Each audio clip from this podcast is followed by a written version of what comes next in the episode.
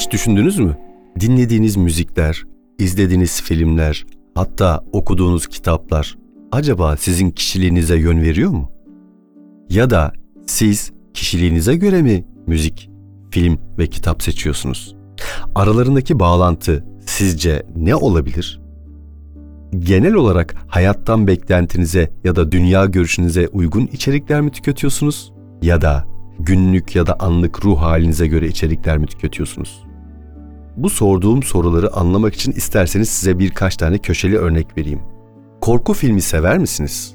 Olsa izlerim ya da çok severim ya da aman aman korku filmi sevmiyorum diyenlerden misiniz? Korku filmi seviyorsanız ne tarz korku filmleri sevdiğinizi bir düşündünüz mü? Ruhlu, cinli, perili ev serilerinden mi? Yoksa o klasiklerden ormana giren dört gencin arka arkaya öldüğü filmlerden mi? Ya da şeytan çıkarmalı o filmlerden mi?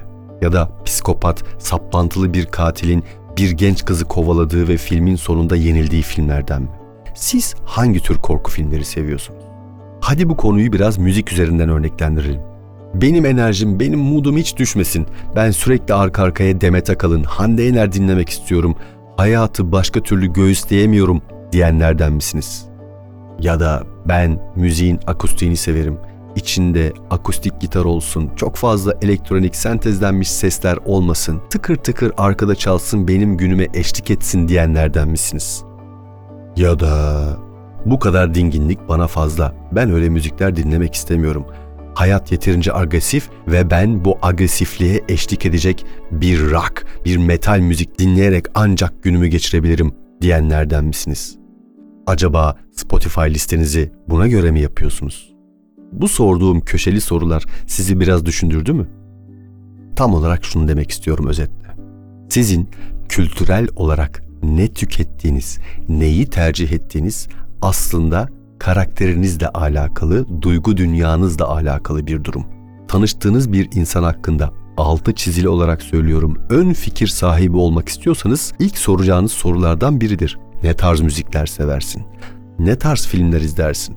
Bu onun kişiliği hakkında bize fikir veren ilk malzemelerdir.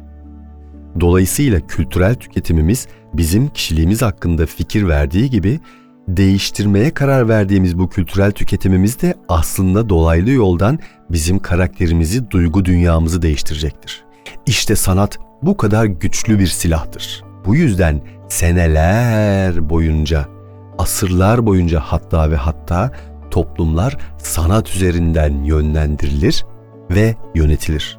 Bir toplumun sanat algısını değiştirdiğinizde sanat tüketim alışkanlığını hatta içeriğini değiştirdiğinizde aslında aynı bir insan gibi o toplumun da karakterini, duygusunu ve hatta geleceğini de şekillendirmeye başlarsınız. Örnek vereyim. Bundan 20 sene, 15-20 sene öncesine kadar komedi tüketimimiz Zeki Alasya, Metin Akpınar, Levent Kırca ve hatta ve hatta o günlerde hayatımıza giren Cem Yılmaz üzerinden şekillendirilirken şimdi neredeyse o eleştirel komedinin yanından dahi geçilmiyor.